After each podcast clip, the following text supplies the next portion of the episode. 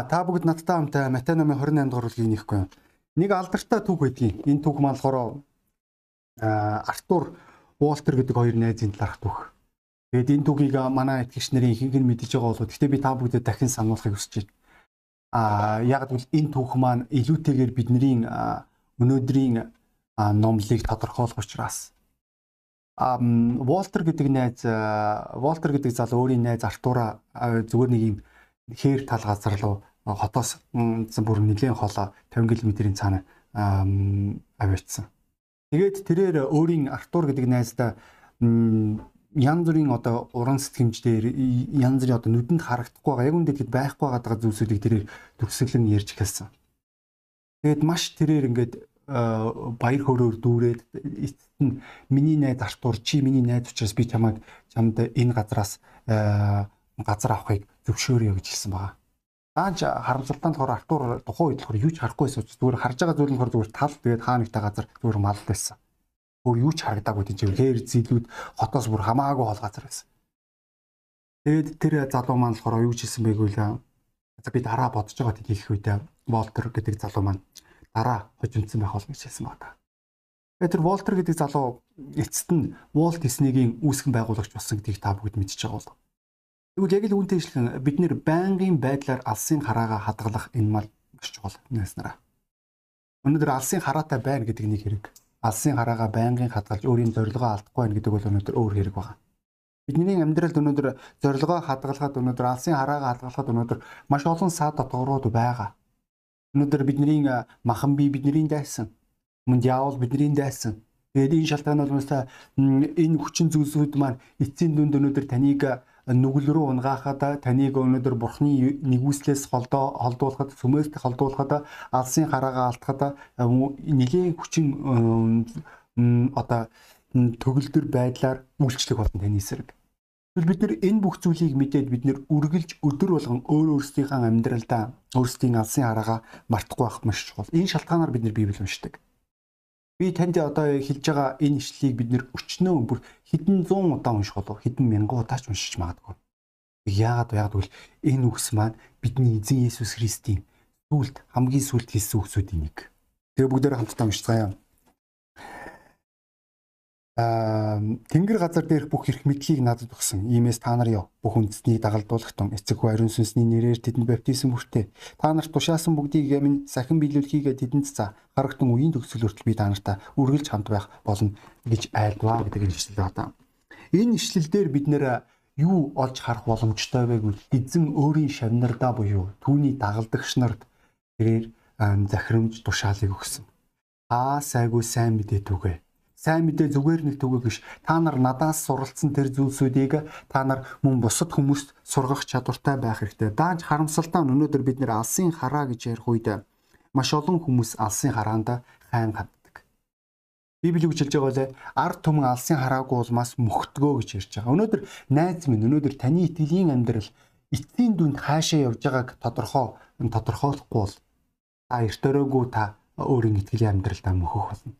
Эрт өрөөгүй та өөрийн зорилгоо алдна. Эрт өрөөгүй та итгэлийн сүнслэг дэг журмаа алдах болно. Яг яагаад вэ? Яагаад гэвэл та харцаа алдсан учраас өнөөдөр энэ маань маш гонигтай байдаг байгаа ийм хүмүүсийг харах үед нөхцөл байдалтай дарагдж байгаа тэр хүмүүсийг амьдралын янз бүрийн асуудлуудад тохиолдох үед зөвхөн асуудлаас өөр юу ч олж харахгүй байгаа хүмүүс асуудлаас цаашаагаа олж харахгүй байгаа хүмүүс яг энэ маань яг юутэй ижилхэн байг вэ зарим нэгэн зоопаркт байдаг амьтдтай төстэй. 2 м өндөр өсөрдөг жижигхэн эмжийг зүгээр толгооноос нь дээшээ хашаанд хордог гэж байгаа. Яг яагаад яагаад гэвэл тэрээр тэр толгооноосоо дээшээгээ тэр хашааг давж хардггүй учраас цаатах нь олж хардггүй учраас тэрээр хизээч өсөрдөг. Уг нь бол тэрээр 2 м өсөрч чадвартай. 2 м гарна. А хашаа нь үнэндээ хэлэхэд 60 санжих. Яагаад ийм юм болсон бэ? Яг гэвэл тэр амтан харахгүй байгаа учраас. Бас мөн нөгөө талаас бид нэр өөрсдийн итгэлийн амьдралдаа дасаж болно. Саяхан нэг итгэгч маа надад надад 20 жилийн өмнө аркад амьдарч исэн амьдарч гисэн баавгаг сулсан талаарх тэр нэг юм жижиг нэг юм бичлэг явуулсан. Тэр маань болохоор жип бичлэг байсан. Тэр бичлэг маань ингээд нөгөө тэр баавга зүгээр ингээд хээрт одоо ой модон дунд ингээд нэг газар ингээд ториол ториол ториол бүр ингээд жим үсгцэн байгаа. Энд чи юу хийхээ мэдэхгүй байгаа. Яг яагаад гэвэл тэрээр энэ өөрт нь өгсөн эрх чөлөө яаж ашиглахаа мэдэхгүй. Тэрийг юу ч олж харахгүй байгаа. Тэр хичнээн бие махбодын хувьд эрх чөлөөнд хүрсэн ч гэсэн оюун бодлороо тэрээр өөрчлөлөн хоригдсон хിവэрэ байгаа. Өнөөдөр энэ маань маш гонигтай байдаг байгаа. Энэ байр суурьаар өөрсдийн итгэлийн амьдралын алсын хараага харж байгаа тэр хүмүүсийг. Энэ хүмүүс өнөөдөр өөрсдийн амьдралдаа би хэрвээ харуул би итгэн би харуул өнөөдөр урагшлуулна. Өнөөдөр э, тэднийг итгэвчүүлэхэд их амархан тийм үү? Бид нэр хэрвээ ямар нэгэн байдлаар бурхны өрөөлийг өөрсдийн амьдралд харах юм бол бид нар урагшаага итгэлийн амьдрал дээр алхаж эхлэх болно. Эсвэл ямар нэгэн охинд эсвэл бандит сайн болчих юм бол бид нэр итгэлийн амьдралаараа урагшаага алхаж эхлэх болно. Эсвэл тэднэрт ямар нэгэн үйлчлэл өгөх үед тэд нэр урагшаага алхаж эхлэх болно. Тэднийг байнгын итгэвчүүлэх хэрэгтэй. Ойлгож байгаа үстэй. Бидний ишлэл дээр ямар ч итгэвчүүлэлт байхгүй байгаа. Санжино бид нэр өмнө нь өмнөх түүхүүдээс номлоодоос сонсч исэн Элишегийн зарц. Тэрээр асуудлаас өөр юу ч олж хараагүй штэ. Тэрээр асар хэмжээний дайсны айрмыг харж исэн. Тэгвэл үүнээс ч илүү хүч түүний талд байсан тэрээр ойлгоогүй. Яг л үүнтэй ижилхэн өнөөдөр маш олон итгэгч нар маань яг энэ байдлаар ханддаг. Мөн Библиэлд бас мөн тоолго номын 13 дугаар бүлэг дээр 12 тагнуулын талаарх түүх бий. Та бүгд хэрвээ энэ түүхийг эхнээс нь эхлээ уншиж исэн бол Моисе 12 тагнуулчийг явуулж байгаа. Тэгээд энэ тагнуулчдын 12-ын 2 нь Йошуа Хайлв 2 байсан. Тэгэд 10 нь хурж ирээд маш муу мэдээ түгээсэн байгаа. Тэдний амнаас гарч байгаа үгсүүд нь болохоор дандаа тэр газар бол ерөөсөө оршин суудаг хүмүүсийнхаа бүгдийг залгидаг. Тэр газарт ерөөсөө ямар ч ирээдүй байхгүй. Бид нэр ерөөсөө тийш газар очиж за яхаа үнэхээр усан үзмийн энэ шүү димсэн үнэхээр маш том. Тий алимшиг том бөөрөнки ойлгож байна.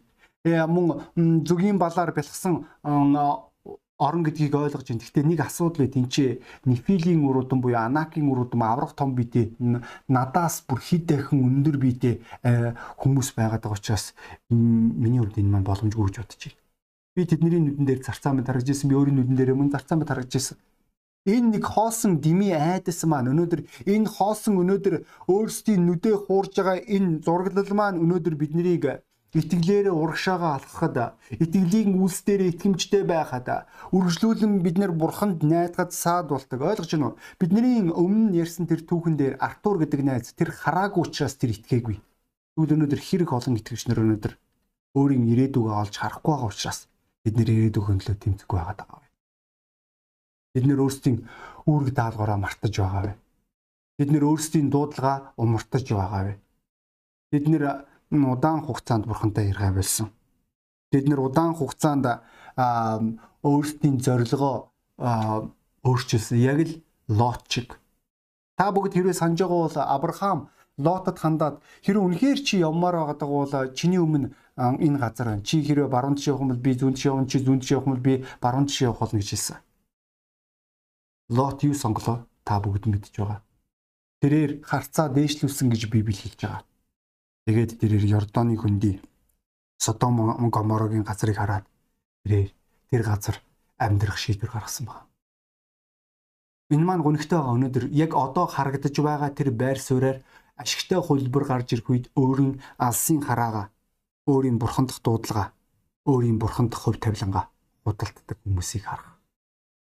Энэ хүмүүс хизээч өөрсдийн амьдралдаа ад жаргалыг баяр хөөргийг олж авч чадахгүй Бид нэр э, хэрвээ та нартыг хэрвээ тэр хүмүүст хандаад үгүй эзэн биднэрт ингэж хэлээ өстэй бид нэр энэ тушаалыг сахих ёстой.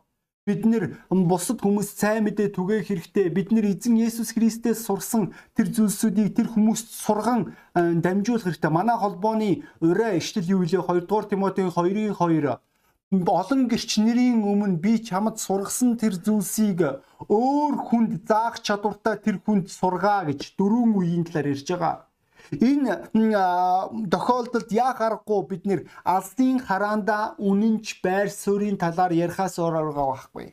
Бидний амьдралд өчнөн зүйлсүүд болно шүү дээ.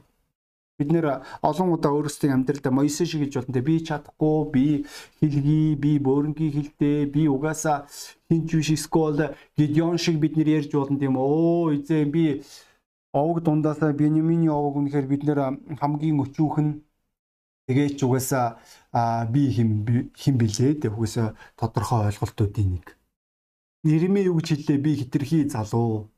Эзэн минь би үнэхээр чадахгүй нэ үнэхээр боломжгүй Өнөөдөр ямар асуудал өнөөдөр таныг бурхны дуудлагын дотор амьдрахад саад болж байгаа вэ? Ямар асуудал өнөөдөр та үгийн дагуу амьдрахад саад болж байна вэ? Та бодоод үзгүй.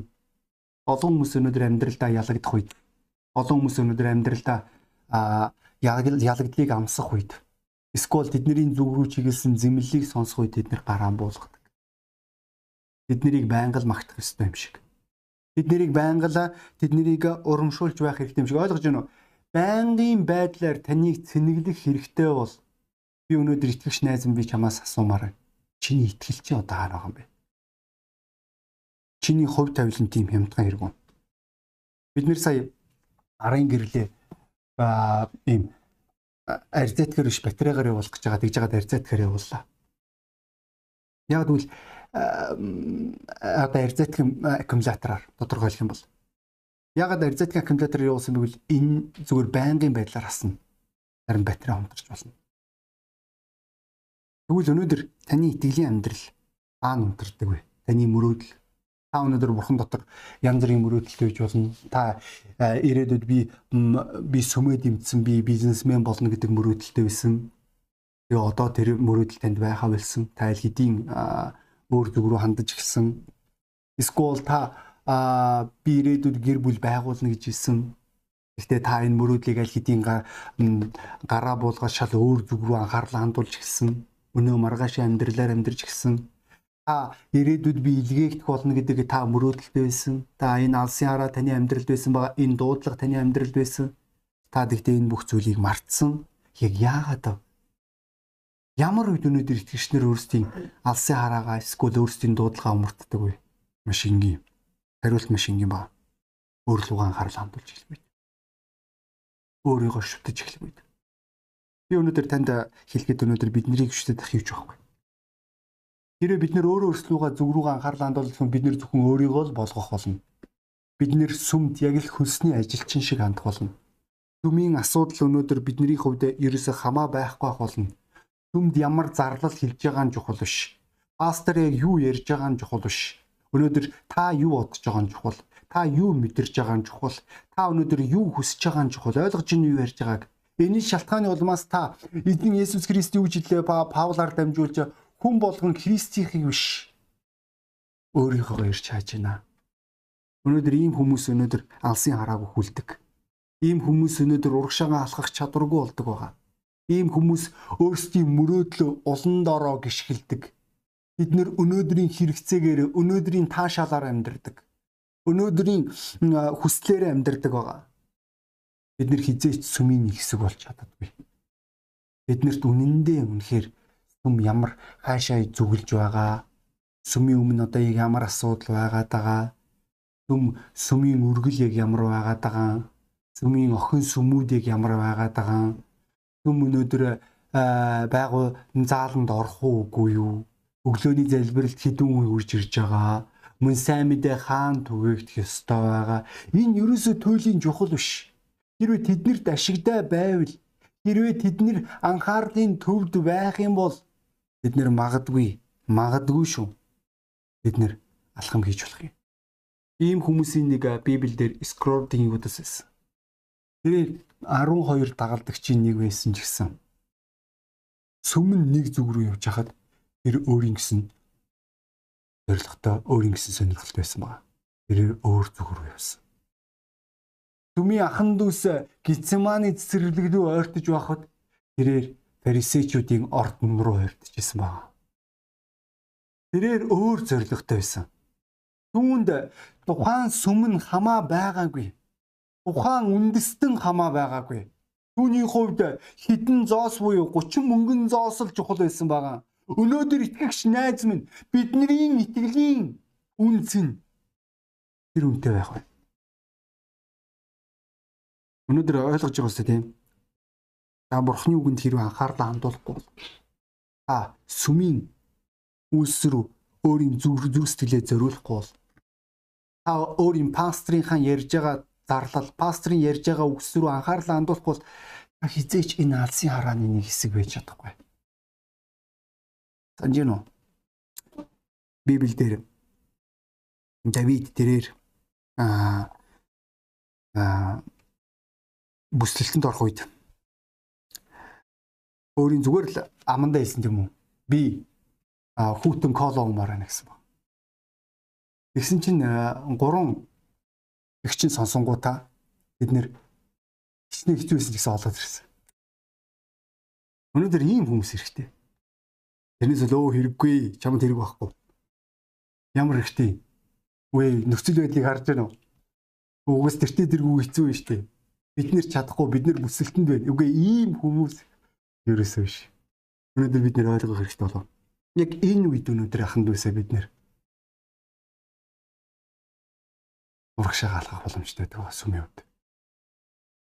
Бид нэр энэ үед бид нэр бурхны хүслийг биелүүлэх боломжтой байдаг. Хэрвээ бид нэр ойлгож байна бид нэр төгс биш шүү дээ. Бид нэр бидний тал нь бидний дайсан бидний махан биеийн хүсэл бидний дайсан. Тэр үргэлж өөрийнхөөгөө өсдөг, өөрийн таашаалыг. Харин бидний сүнслэг хүн үргэлж бурхны хүслийг ирж хайдаг. Өдөр болгон бид нэр хинийгаа тижээх үг гэдгээ сонгох хэрэг гардаг. Энэ хэлбэр байдгүй.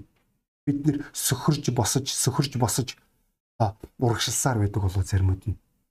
Библи үжилж байгаа бол зөвхт хүн долоод орцсон ч 8 дахь ихний Тодорхойлох юм бол зөв түнд өнөөдөр найдвар яг яагаад яг тэр хүний амьдралын зорилго тэр хүний амьдралын шийдвэр өнөөдөр би бурхны хүслийг биелүүлнэ.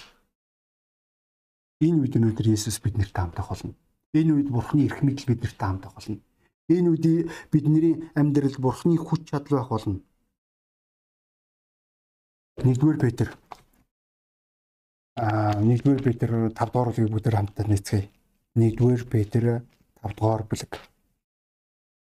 1-р Петр 5 дугаар бүлгийн 6-аас 7 дугаар эшлэл. Иймд бурхны хүчрхэг мутын дор өөстөгөө даруй байлга. Тэгвэл бурхан зохистой цагт та нарыг өрөмжлөнө. Тэр та нарт санаа тавьдаг учраас бүх зовнилоо түн хаяа гэж би энэ 13 оны орчуулга хэлж байна. Энд чи энэ хэсгээр Библи хэлэхдээ өөрийн бүхэл зовнилоо, өөрийн амьдрал дээр байгаад байгаа бүхэл асуудлаа өнөөдөр эзэнд найдаж сур. Өнөөдөр найз минь чиний хувьд Бурхны хүслийг биелүүлэх. Бусад хүмүүсийн аврал, бусад аймагуудын сонирхол, бусад аймагуудын хувь тавилан өнөөдөр аханд үсэ бидний хувьд чухал байх болов. Хэрвээ энэ сүмд байгаа охтууд, энэ сүмд байгаа залуучууд хэрвээ тэд нэр эзэн минь би тань дотор би бүх юмыг чад болно гэдэг шийдвэрийг гаргавал эзэн минь өнөөдөр би энд байна. Та миний зүрх сэтгэлтэй яриач. Би таны илгээхийг хүсэж байгаа тэр газар руу би явмаар. Би очимоор. Би түгээмээр. Тийм үнэхээр энэ хугацаанд ми зорилгоо умарцсан дөршөөгөөрэй. Өөрийн алсын араагаа алдсан дөршөөгөөрэй. Одоо гэхдээ би энэ орой шийдвэр гаргаж байна. Би өөрийн мөрөөдөлд үнэнч авах болно би өөрийн алсын араанд үнэж явах болно гэх тэр залуучууд өгтүүд гарч ирэх үед найз минь ойлгох хэрэгтэй болов. Бид нэр агуу бурхны үлсийг харах. Өнөөдөр найз минь та энэ агуу үлсийг. Тэгэд би нэг саяхан аа өмнө нь Молдавын сүмийн миссионер байсан Мароккин гэд пастрын загтлыг авсан. Би тэр загтлыг би та бүгдэд одоо орчуулж өгмөр байна пасторуудад илгээсэн. 8 сарын зуны конференцийн дараа бид нэр амжилттайгаар Молдавд сүм нээн тэгээд Расадны гэр бүлд энэ үйлчлэлийг дамжуулсан.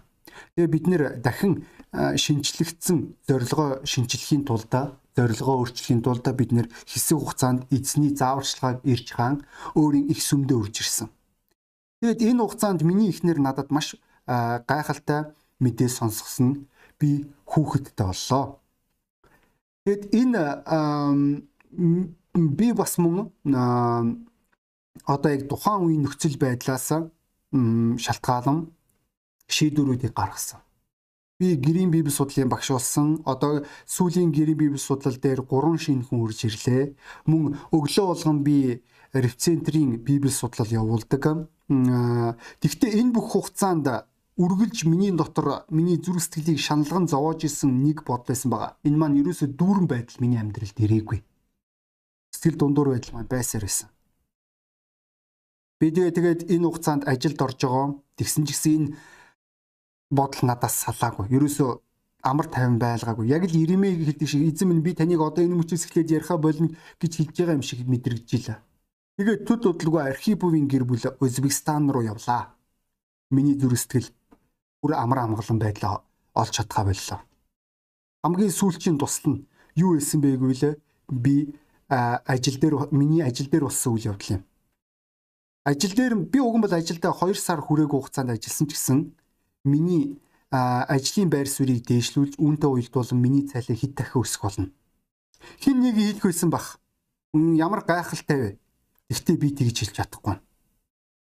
Би үргэлжлүүлээ ирж хайсаар байсан. Тэгээ эзэн надаас асууж байгаа. Чи өөрийн амьдралаараа яг яах вэ? Чиний зориг чи ямар зорилгын араас дагж байгаа вэ? Энэ үед намайг юу зовоож ирснийг би ойлгосон. Иремегийн хэлжсэн шиг би эзний үгийг чимээгүй бай. Би яриха бодъё гэж хэлэх үед миний зүрх сэтгэл дотор гал шатаж байсан. Миний яс дүрэл засчлаа.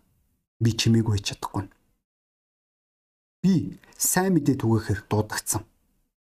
Бусад ахан дүүс маань тулдааны талбарт байх үед би арагшаа арын фронтод сууж чадахгүй. Тэгэд энэ загтал та бүгдэд хүрж байгаа гэдэгт найдаж байна. Тэгээ гол зүйлс рүү оръё. Энэ хагас өдөр бурхан миний зүрх сэтгэлдээ евангелистийн үйлчлэлийн талаар ярьж байгааг би ойлгосон. Өдөнсөө өдөр гол пастортай ярилцаад евангелист болох шийдвэр гаргалаа. Шийдвэр гаргадаг үгүй юу? Миний зүрх сэтгэл амар амгаланг болсон. Би итгэж байна. Би таны сүмд үйлчилж чадна гэдэгтээ. Таны сүмд үйлчлэнэ гэдэг бол миний хувьд агуу ерөөл байхаас гадна баяр хөөр юм аа гэдэг цаг. Өнөөдөр аханд үсэ бид нэр үүний төлөө амьдарч байгаа хүмүүс. Аамен. Тэгээд хүн болгон толгоор талаад нүдэ ханасаа гэж хүсэж байна. Хүн болгон толгоо удаалгаад нүдэ хандсан байгаа үед магадгүй та энэ номлыг анх удаа сонсч иж болох юм. Та тэгээд ойлгож байгаа. Танд ирээдүй байхгүй Танд үнэндээ л таны зүрх сэтгэлийг дүрлзэн асаах, галзууруулах алсын хараа байхгүй. Мөрөөдөл байхгүй. Та зүгээр л хэрэгцээнд хариулж амьдардаг. Тэгвэл бурхан танд маш онцгой бусдын төлөө амьдрах хөв тавиланг санал болгож байна. Энэ хөв тавиланг авахын тулд та нэн тэргуунд бурхантай авлирах хэрэгтэй. Авлирхийн тулд эмшлийн залбирал буюу нүгэлт хүний бурхнаас уучлалт гуйх залбирлыг залбирахад хангалттай. Учир нь бид нэр нүглийн улмаас там руу явах байсан бол бурхан өөрийн хайр нэгүсдээр өөрийн цорын ганц хүүгээ бидний нүглийн төлөө өгсөн. Үүгээр бид нэр бурханы уучлалыг авах боломжтой. Та хэрвээ бурхантай энэ өрөө эвлэрхийг хүсэж байгаа бол та бидний утас руу залгаарай. Бид нэр тантай хамт залбирахдаа маш таатай авах болно. Би тэгээд дуудлагаа өөрчилж байна. Итгэгч ахан дүүсээ бурханд хувь тавилангаар амьдрна гэдэг бол Бурхан дахь дуудлага алсын хараагаа алдахгүй байна гэдэг бол энэ бол хүч. Энэ бол даац. Энэ бол үнц. Би тэгвэл та бүгдийг өнөөдөр өөрсдийн амьдралдаа рефреш хийгээсэй гэж хүсэж байна. Энчлэг сэргэлтийг хийгээсэй гэж хүсэж байна. Дахин амлалтыг эзний өмнө өгөөсэй гэж хүсэж байна найснараа. Магадгүй та аль хэдийн хазаасан байж болох юм санаа зовх хэрэггүй. Эзний өмнө хурж ир. Зүрх сэтгэлдээ хатуу шийдвэр гаргацгаа эзэн таныг ивэг. Энэ таны чин сэтгэлийн залбирал байг. Би таныг энэ орой шийдвэр гаргаж байгаа гэдэгт найдаж байна. Өнөөдөр бурхан таныг яг юунд дуудсан би мэдэхгүй. Бурхан таны зүрх сэтгэлдээ яг одоо юуны талаар ярьж байгааг би мэдэхгүй. Одоо өчид бурханы гарт дуулууртай. Өөрийн хийрхэл дотроо хуваачилсан амьдралдаа би өөрийн хувь тавилангаа балал. Бурхан өөрийн амьдралаа найд. Энэ чиний зүрстэл жинхэнэ амар амгалан гөх болно. Чиний амьдралд жинхэнэ баяр хөөргийг авчрах болно. хормын таашаалаар хувь тавилангаа солих хэрэггүй залуучуудаа. Энэ чухал болов. Би тэгээ та бүгдийг энэ өрөө залбирж байгаа гэдэгт найдаж байна. Шийдвэр гаргагдаж байгаа гэдэгт итгэж байна. Бурхан чамайг дутсан. Хамтаа ярьж. Энэ үнэ. Нэг хүсэл дотор байна. Өгөл бурхан чамд туслах. Тэгээ бүгдөө номлын төгсгөл залбирцгаая. Тэнгэрлэгс өнөөдрийн номлыг юусэн танд баярлалаа. Эцэг таны ивэл таны гар өгөж бид нэр таамдаг болтгоо. Есүс Христийн цаар. Аамен. Удахгүй зөмөр холбогцгоо яхан гэсэн баярлалаа.